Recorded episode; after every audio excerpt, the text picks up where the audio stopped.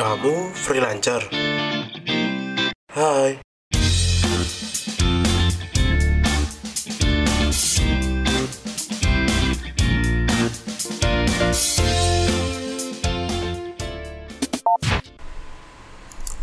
Oke, selamat datang kembali di podcast Suara Freelancer ngomongin santai seputar dunia freelance. Terima kasih buat teman-teman yang udah nungguin episode pertama di podcast ini. Sorry kalau emang uh, di episode ini dan ke depannya mungkin banyak kata kata-kata yang belibet atau banyak hmm, hmm gitu. Dan uh, mungkin suara saya juga agak serak karena aku sendiri masih pemula di dunia settingan audio. Jadi ya aku juga karena kebanyakan eksperimen settingan mixer yang buat merekam di podcast ini jadi suaraku uh, agak serak gitu. Dan juga karena cuacanya ekstrim gitu kan. Kadang dingin banget kadang panas banget gitu kan. Jadi yang membuat aku pilek juga. Tapi uh, aku mencoba membuat podcast di episode pertama ini. Ya karena aku udah janji gitu untuk uh, bahwa episode pertama bakal rilis di minggu pertama gitu kan tapi ke depannya mudah-mudahan aku berusaha lebih baik lagi. Jadi ya ya. Jadi teman-teman biar uh, lebih maksimal lebih uh, enjoy lebih gak bosen gitu untuk dengerin podcast ini setiap episodenya. Oke. Dan juga aku menyapa buat teman-teman yang baru pertama kali dengerin podcast ini. Selamat datang di podcast suara freelancer detail podcast ini uh, teman-teman bisa dengerin di trailer podcast suara freelancer bisa di paling atas ataupun di paling bawah karena setiap device itu tempatnya beda-beda sih. Dan gimana kabar teman-teman semua? Baik-baik aja kan? Atau lagi sakit atau lagi banyak begadang karena banyaknya project? Ya mudah-mudahan yang terbaik buat teman-teman. Dan gimana orderan hari ini bulan ini lancar lagi sedang atau lagi sepi atau belum pecah telur. Ya uh, ya mudah-mudahan ya uh, ke depannya lebih ramai lagi lebih lancar lagi. Saya sendiri juga lagi banyak kerjaan ya syukur. Gitu jadi saya mundurin tag podcastnya yang seharusnya kemarin tanggal 5 jadi tanggal 6 tapi ya uh, telat dikit lah daripada nggak sama sekali gitu kan Oke, di episode pertama ini kita akan membahas uh, dengan judul memulai karir sebagai seorang freelancer. Uh, di episode ini cocok banget buat teman-teman yang emang baru mulai karirnya sebagai seorang freelancer atau emang belum mulai ada rencana gitu atau udah mulai tapi uh, belum pecah telur gitu karena sejak pandemi kemarin itu uh, banyak yang kena PHK kan. Banyak orang yang kehilangan pekerjaan jadi ya dengan uh, terpaksa atau ada inisiatif untuk menjadi seorang freelancer gitu. Karena freelancer itu ya bisa dikerjain di rumah lebih fleksibel gitu kan. Ya jadi juga aku turut berduka cita buat teman-teman yang emang uh, kehilangan pekerjaan di pandemi ini. Makanya saya mengajak buat teman-teman mencoba freelance gitu ya walaupun uh, mungkin bulan awal-awal itu nggak ada project tapi ya kalau kita mau belajar lebih giat ke depannya juga pasti uh, project itu datang sendiri gitu. Dan sebelumnya aku pernah post itu pada minggu kemarin. Pernah uh, post tentang ceritain dong awal mula kamu jadi freelancer. Nah banyak uh, teman-teman suara freelancer itu berkomentar di sini. Lumayan banyak dan DM-nya juga ada walaupun cuma dua gitu. Oke.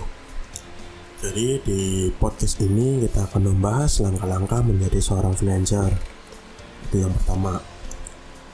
Dan ini uh, menurut pengalaman saya ya dan menurut apa yang saya baca mungkin juga teman-teman punya caranya sendiri teman-teman bisa DM di Instagram podcast suara freelancer atau bisa komen ya bisa atau lewat email juga bisa bebas.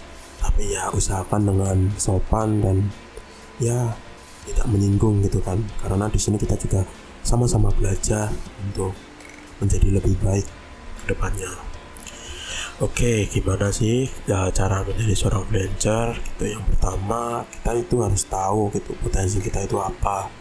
Karena menurut Wikipedia dikatakan freelancer itu lebih enak uh, memulainya dengan apa yang kita uh, punya gitu.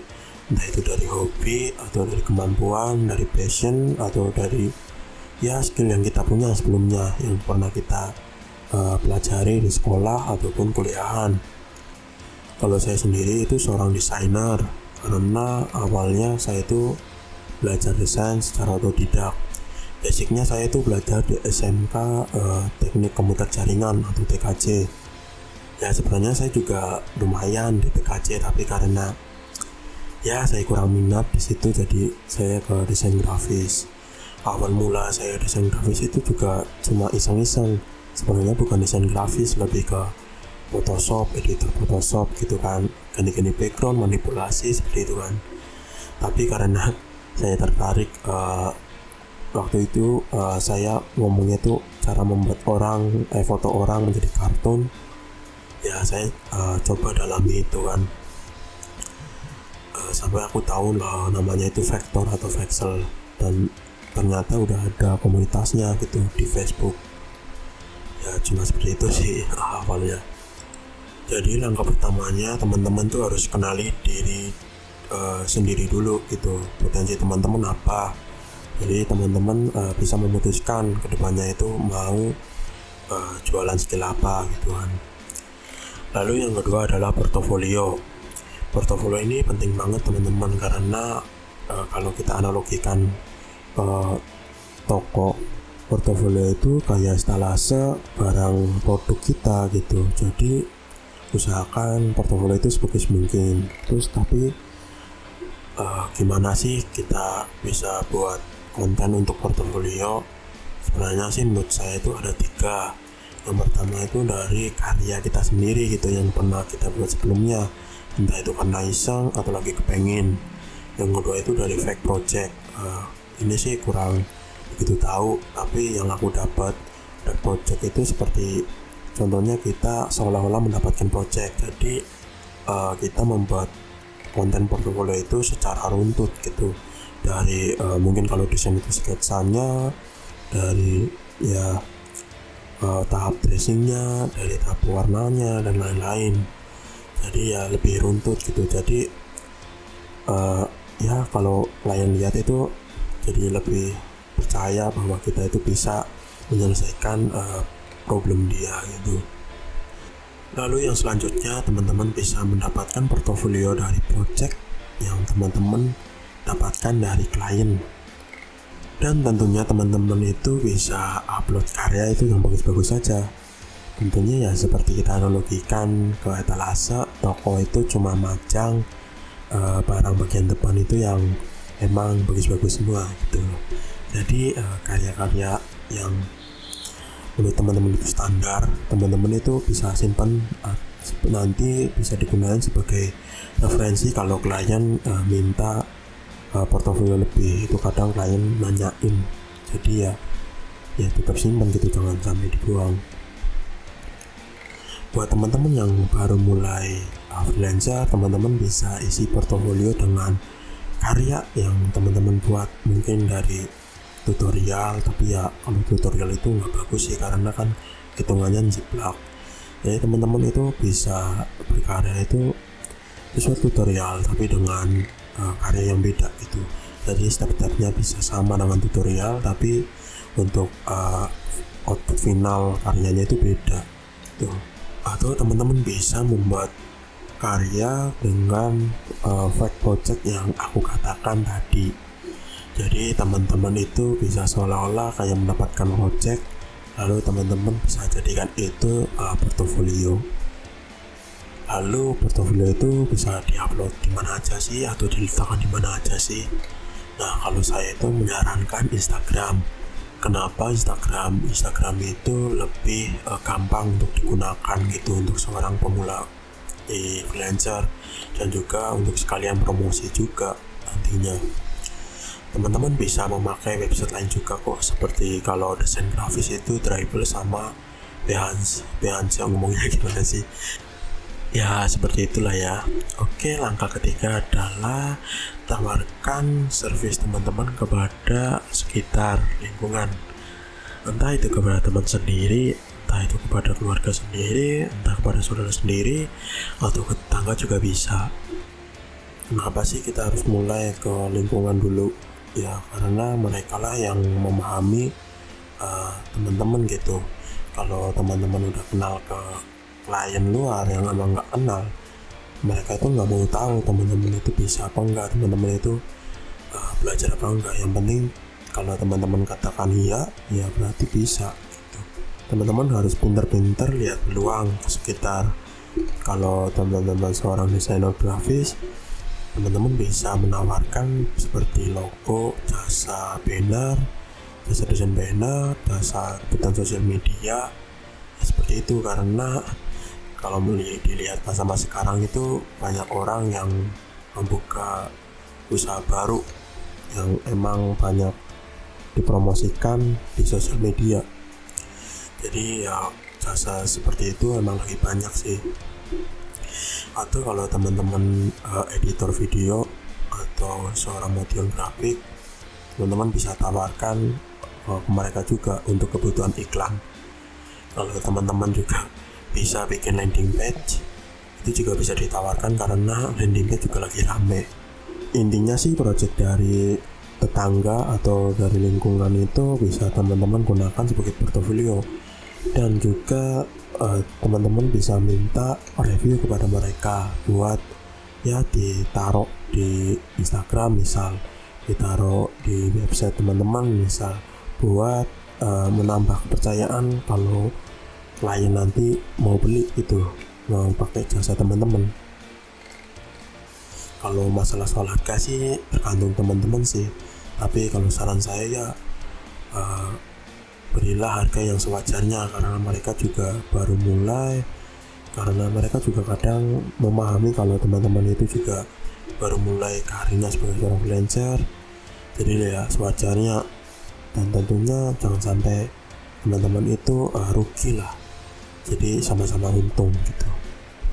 Lalu yang keempat ini yang kadang menjadi masalah yaitu jangan terlalu sering kasih gratisan Nah, biasanya ini menjadi problem uh, semua orang ketika menjadi seorang freelancer. Rata-rata mula-mula itu pasti sering banget diminta gratisan. Ya alasannya ada aja itu entah ya sama teman sendiri kok bayar atau ya aku juga baru mulai gitu kan kasihlah gratisan bantulah nanti dibalas sama yang di atas gitu nah, kenapa sih nggak boleh sering kasih gratisan ya yang jelas teman-teman nanti seterusnya akan dicap bahwa teman-teman itu seorang freelancer yang bisa dikasih gratisan yang bisa diminta gratisan. Itu jadi teman-teman mulai belajar memberikan harga kepada jasa teman-teman sendiri. Ya walaupun harganya nggak tinggi-tinggi amat belum tinggi ya paling nggak teman-teman bisa uh, menghargai diri sendiri itu dan juga kan teman-teman bisa menjelaskan kenapa sih ini harus bayar gitu. Ya kalau saya dulu itu seperti ya ini harus bayar karena ya belum ongkos listrik belum uh, tenaganya belum internetnya buat cari referensi gitu. Ya kalau uh, teman-teman emang mau kasih gratis teman-teman tuh harus lihat uh, siapa kliennya. Depannya itu uh, hubungan kalian itu saling menguntungkan apa enggak gitu dan biasanya kalau benar-benar temen itu nggak mungkin lah minta gratis. Karena dia tahu uh, perjuangan teman-teman dalam branding itu seperti apa. Apalagi masa-masa pandemi sama-sama susah gitu kan. Masa iya ada orang yang tega minta gratisan. Kita freelancer kan juga untuk kebutuhan hidup gitu kan. Dan sebenarnya uh, buat mereka yang minta gratisan itu ya semuanya itu karena rese tapi karena mereka kadang kurang informasi aja. Jadi selain kita seorang menjadi seorang freelancer kita juga harus edukasi mereka. Uh, kenapa sih ini harus bayar gitu? Dengan begitu lama-lama mereka ngerti bahwa sebuah jasa atau sebuah karya itu emang harus dibayar gitu. Mereka dapat uh, produk yang kita hasilkan yang kita buat kita buat ah kita dapat uh, uang dari hasil jerih kita gitu. Jadi intinya itu kita banyak-banyak edukasi mereka biar mereka ngerti mereka tahu bahwa kita itu nggak bisa dan semua freelancer juga nggak bisa diminta gratisan. Apalagi sama orang yang gak dikenal kadang sama orang dikenal aja malas gitu kasih gratisan.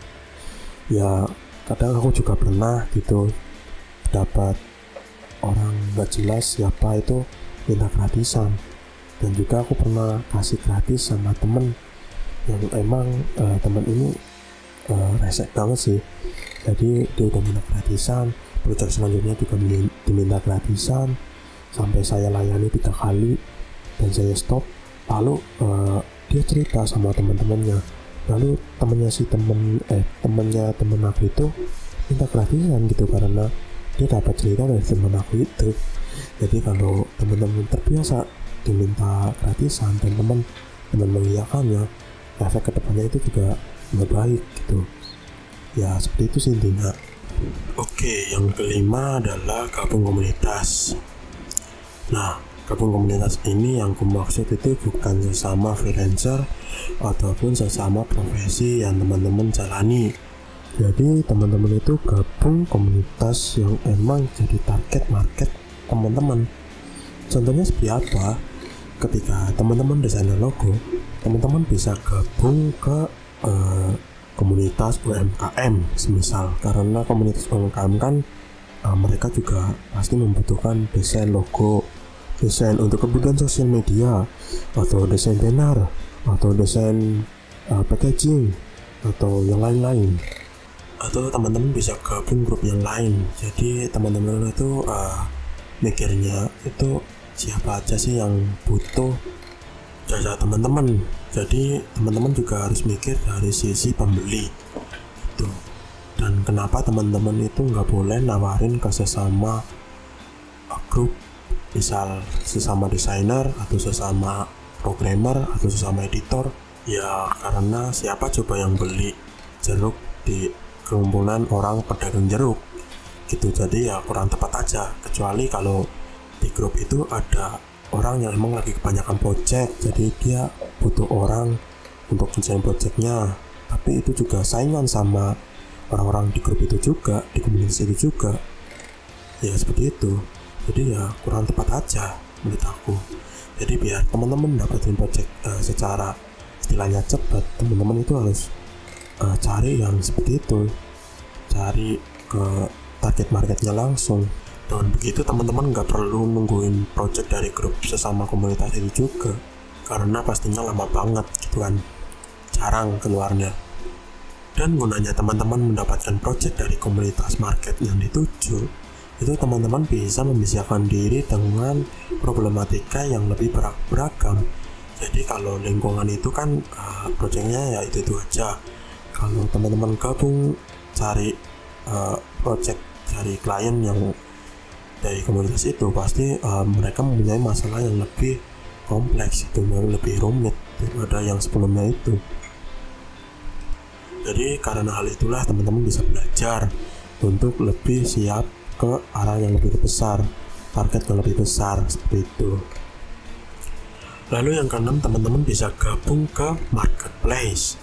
Marketplace di sini uh, bisa dibilang kayak website buat freelancer gitu kayak Fiverr contohnya kayak freelancer.com kayak Upwork kayak ya yang lain-lain lah. Kalau Indonesia sendiri itu ada 1000 kayak freelance.co.id juga ada. Yang setahu cuma dua itu sih kalau Indonesia. Sebenarnya banyak tapi mungkin kurang aktif aja kurang diurus websitenya. Jadi ya freelancer di situ sedikit. Oke kenapa sih gabung ke marketplace ya karena biar teman-teman itu lebih berkembang ke target yang lebih luas. Sebenarnya sih uh, masalah kalau misal teman-teman gabung kalau memang teman-teman udah nyaman ke arah uh, itu itu juga gitu. Yang penting teman-teman tuh berkembang ke target lebih luas.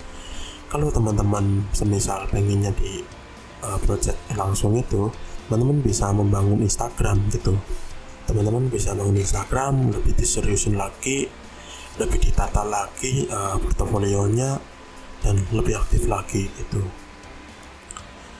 Dan uh, buat gabung marketplace itu uh, tiap marketplace itu beda-beda tiap website website itu beda-beda cara mainnya. Saya sarankan sih gabung ke forum yang emang di situ isinya pemain website itu juga kayak Fiverr itu kayak Fiverr Seller Indonesia kayak Upwork itu kalau nggak salah Upwork Indonesia kalau misal teman-teman pengen gabung kayak produk base kayak Shutterstock itu teman-teman bisa gabung ke Shutterstock Indonesia dan lain-lain. Itu desainer ya. Sekali lagi itu desainer. Maaf kalau aku kurang tahu uh, hal bidang lain tapi mungkin ke depannya aku nyoba wawancarai orang-orang freelancer yang uh, di bidang lain. Mudah-mudahan sih bisa gitu karena uh, sangat susah ngundang mereka mereka juga sibuk gitu sih dan nggak enaknya marketplace itu ada peraturan yang emang sangat uh, ketat teman-teman jadi sebelum benar-benar terjun ke website itu, teman-teman itu harus banyak baca informasi di website itu, em, peraturannya apa aja. Dan tentunya pastinya ada potongan di website itu. Ya, aku rasa sih semua website itu ada gitu. Kalau teman-teman nggak pengen dapat potongan ya teman-teman main sendiri, bikin website sendiri. Atau teman-teman bisa memulainya memasarkan di Instagram. Kalau saran saya sih mendingan buat pemula sih enaknya marketplace. Karena marketplace itu benar-benar disiapin gitu dari aspek apa pun. Teman-teman tinggal fokus berkarya aja fokus ngerjain project aja gitu. Lalu langkah keenam adalah promosi. Nah kalau teman-teman udah bangun Instagram atau teman-teman udah bikin website sendiri uh, teman-teman itu perlu promosi. Promosi itu uh, ada yang gratis ada yang bayar. Contohnya seperti Instagram Ads, Facebook Ads, Google Ads dan lain-lain. Kalau marketplace itu butuh iklan nggak sih? Nah kalau menurut saya sih butuh sih. Kalau saya nah, di Fiverr sendiri itu kita nggak bisa ngandelin uh, algoritma dari Fiverr itu sendiri nggak bisa ngandelin uh, marketing dari uh, Fiverr itu sendiri. Kadang itu ada masa emang sepi dan kita itu butuh yang namanya promosi. Nah biasanya aku tuh uh, promosi lewat Pinterest biasanya ada caranya sendiri. Atau uh, bisa pakai Instagram Ads. Biasanya aku pakai kedua itu untuk uh, mempromosikan link Fiverr aku. Seperti itu sih. Nah kalau Pinterest itu teman-teman bisa cari tahu sendiri gimana caranya. Kalau aku itu dulu diajarin sama Mas Ibnu ada ibunya gitu. Teman-teman juga mungkin kunjungin websitenya. Kalau teman-teman butuh ibunya aku nggak tahu masih ada apa enggak. Untuk metode iklan seperti di Facebook Ads, Instagram Ads dan lain-lain mungkin aku uh, bikin episode khusus ya. Karena prosesnya juga lumayan panjang dan jujur aku sendiri belum terlalu menguasai tapi dari apa yang aku iklankan di Instagram Ads hasilnya lumayan sih. Jadi bisa teman-teman gunakan ketika teman-teman pengen pecah telur atau emang lagi sepi ya seperti itulah. Kayaknya cukup untuk langkah langkah-langkah menjadi seorang freelancer. Untuk pembahasan ke caranya promosi itu mungkin nantinya bikin episode sendiri dan ya nanti dibahas lebih lanjut gitu lah. Oke seperti uh, perkataan sebelumnya selanjutnya adalah kita membahas uh, tanggapan teman-teman soal uh, post suara freelancer pada minggu kemarin yang uh, pertanyaannya ceritain dong awal mula kamu jadi seorang freelancer. Oke saya mulai dari DM Instagram dulu ya. Yang pertama dari Mas Ridwan Mas Ridwan ini uh, udah aku ringkas ini. Mas Ridwan ini adalah seorang desainer grafis percetakan sebelumnya. Karena ada pandemi dia sendiri diberhentikan sementara uh, dari uh, percetakan itu. Karena dia sendiri sudah berkeluarga dia bingung gimana buat uh, kehidupan sehari-harinya nanti sama istri dan anaknya jadi dia berinisiatif menjadi seorang freelancer, tetapi masih tahun ini sampai sekarang belum pecah telur. Udah satu bulan dia jalanin uh, freelancer, dia udah coba Fiverr, dia udah coba bangun Instagram tapi belum pecah telur. Oke dari uh, Mas Ridwan uh, Mas Ridwan bisa mengikuti langkah-langkah yang sebelum saya katakan tadi terutama di bagian uh, gabung komunitas semisal aku lihat ini kan mas percetakan logo mungkin teman eh mungkin mas Ridwan ini bisa kayak desain logo bisa kayak desain kaos bisa desain banner semacam itu kan. Nah mas ini bisa tawarkan ke eh, orang-orang yang di komunitas itu itu.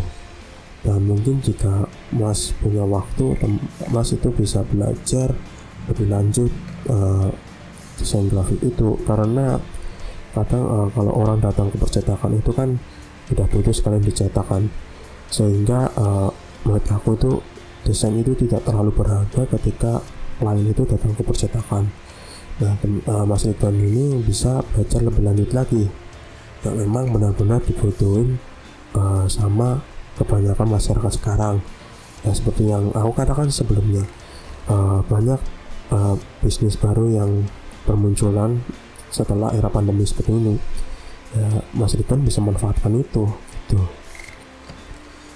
Lalu yang kedua DM dari Mas uh, masih bentar tenggelam DM nya dari Mas ini namanya Dodo Mas Dodo. Mas itu ini uh, udah jadi freelancer sejak lama. Sebenarnya dia sendiri uh, udah sejak lulus kuliah dia menjadi seorang freelancer karena dia terlalu nggak nggak terlalu nyaman dengan uh, pekerjaan kantor. Dia sendiri udah desain grafis udah eh dia seorang ilustrator uh, dia udah main Fiverr udah seller level 2 mau hampir TRS ya seperti itu. Ya selamat buat mas uh, Mas Dodo ya aku sendiri juga masih kalah. Aku sendiri uh, untuk mencapai THS 20.000 dolar itu masih lumayan jauh sih. Walaupun udah lebih dari setengahnya tapi masih lumayan jauh. Ya aku sendiri nggak bisa kasih tips apa apa nggak bisa kasih komentar apa apa karena aku sendiri masih di bawah Mas Dodo. Dan buat Mas Dodo mungkin kalau emang lagi sepi orderan ya mungkin kayaknya enggak sih ya bisa uh, iklan gitu kan. Nah Mas Dodo ini juga uh, saran aku untuk membuka uh, peluang kerja untuk yang lain karena di era pandemi ini banyak orang membutuhkan kerja karena banyak orang yang kehilangan pekerjaan. Apalagi banyak orang yang emang uh, meminta pekerjaan itu dilakukan secara remote dari rumah. Saya sendiri juga uh, ya saya bersyukur sih udah membuka walaupun masih kecil masih dua orang gitu. Bekerja secara remote untuk membantu project yang saya dapatkan sehari-harinya oke selanjutnya dari komentar ya. Ini lumayan banyak. Jadi ya saya komentar uh, bukan secukupnya ya tapi lebih ke seringkasnya karena ini durasinya udah banyak. Jadi ya biar nggak terlalu bertele-tele Oke, yang pertama itu dari Mas Sehat Look. Dia menjadi seorang freelancer karena patah hati. Soalnya pas punya doi kerjanya bucin mulu. Yang punya doi cari kesibukan sekaligus melupakan. Oke, kalau memang urusan sama asmara itu selain kerjanya bucin juga poros gitu. Ya semoga dengan uh, kesibukan yang baru Mas punya hal yang positif dan bisa ngumpulin uang buat uh, masa depannya sendiri gitu kan. Jadi kapucin dulu langsung nikah gitu kan. Lalu menurut dari Mas Kairullah yaitu uh, kenapa jadi freelancer? Karena di PHK terus bingung mau kerja di mana lagi buat nafkain anak ini. Oh ini seperti yang tadi dan belum ada orderan. Ya Mas bagus ini bisa uh, ikuti saran saya yang tadi yang awal mulai tadi. Lalu yang ketiga adalah Mas Berkah Artwork aku nggak tahu namanya siapa tapi Instagramnya Berkah Artwork ya, awalnya sih di Reddit di PixArt eh ada yang order walaupun 5000 kayaknya main jadi drone dan sekarang jadi enakan. Ya syukurlah kalau begitu. Karena ya awal mulanya dari orderan kecil-kecil seperti itu nanti lama-lama bisa jadi besar. Oke yang ke selanjutnya. Dari dari Mas Yahrul Falah. SMK udah ngekos dengan duit pas-pasan oh SMA ngekos. Nah, kayak teman aku sih SMK ngekos. Cuma bisa buat makan. Ya teman-teman yang lain pada jajan jadi pengen terus dikenalin sama teman tentang mikrostock pas lagi gabut di kos ya terus youtubean gak sengaja nama channelnya Om Yoko Bom akhirnya mulai belajar Fiverr. Jadi sekarang main terus sama kontes-kontes. Oh Fiverr ya di kontes-kontes? Ya sih sih ya. Kalau Microsoft ini sendiri ini emang lumayan lama progresnya kalau saran saya sih kalau mau pengen cepet itu di Fiverr. Kontes juga tepat sekali uh, dapatnya itu gede tapi ya tentunya saingannya banyak dan kontes itu nggak uh, nggak mesti menang. Jadi ya aku sih lebih enaknya di Fiverr ini. Yang 4 dari F4 YN saya masih SMA sambil freelancing nyari uang jajan oke. Okay. ya moga-moga lancar terus. Lalu selanjutnya dari Mas Ramadan ya dia mengatakan oh, Mas Ramadan ini uh, teman saya teman dia kuliah di IPB dia juga punya podcast tapi aku belum dengerin. Oke dia mengatakan bahwa saya alumni SMK terus pas kuliah banyak tugas edit video. Ya ya memang aku lihat dia banyak job. Ya syukur berarti dia memanfaatkan dari apa yang aku katakan yaitu lingkungan dari teman-teman sendiri. Gitu. Lalu yang selanjutnya adalah uh, makro sih. Awalnya ada teman-teman yang bilang ke saya kamu pandai fotonya kan saya ada kerjaan nih langsung lah. Ya ini syukur. Berarti uh, marketing dari mulut ke mulut uh, sampai gitu kan karena kalau teman-teman uh, memulainya dengan lingkungan ketika teman-teman berhasil mendapatkan project dan selesai teman-teman itu bisa mendapatkan marketing mulut ke mulut dari uh, klien yang didapatkan sebelumnya. Nah, jadi walaupun teman-teman uh, masih dibayar standar teman-teman tuh harus maksimal biar kliennya itu puas dan bisa dapat uh, promosi gratis gitu sih. Oke dari Mas Azhar Gifar uh, dia mengatakan saya juga masih SMK tapi nyoba freelance main dapat duit dan jajannya lumayan sih. Ya aku dulu juga waktu mulai freelance juga masih SMK eh sorry waktu belajar freelance itu kan bukan freelance ya dari belajar remote belajar kerja dari jarak jauh itu dari SMK kelas 2 lalu dari situ juga saya bisa beli HP baru gitu. Ya walaupun um, kerjanya lama 4 bulan cuma, cuma buat beli HP baru yang 2 jutaan tapi ya lumayan gitu kan. Lalu dari Takumi uh, karena habis lulus nggak dapat kerja tolak lulus sampai sekarang untung punya skill buat ilustrasi. Ya udah pandai buat freelance ya aku juga gitu aku setelah lulus SMK itu uh, apa ya setelah lulus SMK itu uh, karena aku udah capek ditolak mulu hanya awalnya sih aku cuma uh, bangun online shop tapi basisnya itu uh, bikin ilustrasi karikatur sama vektor. Tapi karena aku pengen uh, berkembang makanya aku nyoba arahnya ke luar negeri seperti itu sih. Nah semangat bahas mas Tako lalu selanjutnya dari Mas Danang Abris Abrias. Karena nggak suka kerja 9 mending oh ini mungkin jam kerja dari jam 9 pagi sampai jam 5 sore. Makanya saya pilih freelance desain grafis sama transcribe. Nah aku aku tanya di sini transcribe itu apa mas? Gitu. Lalu dia bilang terjemahan suara jadi teks mungkin voice over ya. Ya, ya voice over. Nah eh, mungkin kayak kayak kisahnya temanku ini nggak nggak terlalu suka dengan model kerja kantoran seperti ini makanya dia pilih freelance yang lebih fleksibel. Lalu dari Mas Rizky Majid uh, sebelum kerja udah giliran pindah ke tanah kelahiran istri pelosok Sumatera dia bingung nggak punya kerjaan. Nanya kerjaan di kebun tebu aja nggak dapet. Untung masih ada sinyal jadi nekat deh. Alhamdulillah sekarang OTW level 2 Fiverr doanya ya moga-moga mas uh, lebih lancar lagi bisa level 2 sampai TRS nah enaknya freelance itu lebih fleksibel jadi asalkan ada internet ya udah kita bisa freelance asalkan juga punya skill juga. Oke yang terakhir itu kayak ada mas klasik official karena corona ya seperti aku sebutkan tadi jadi dia naik kerjanya bisa dilakukan online akhirnya nyoba di Fiverr dan uh, hahaha seperti itu. Ya buat mas uh, official ya tetap semangat. Dan juga uh, bisa gabung ke grup Fiverr Seller Indonesia. Di situ bantu banget lah pokoknya. Oke okay, uh, oke okay, jadi seperti itulah episode pertama ini dengan judul uh, memulai karir sebagai seorang freelancer.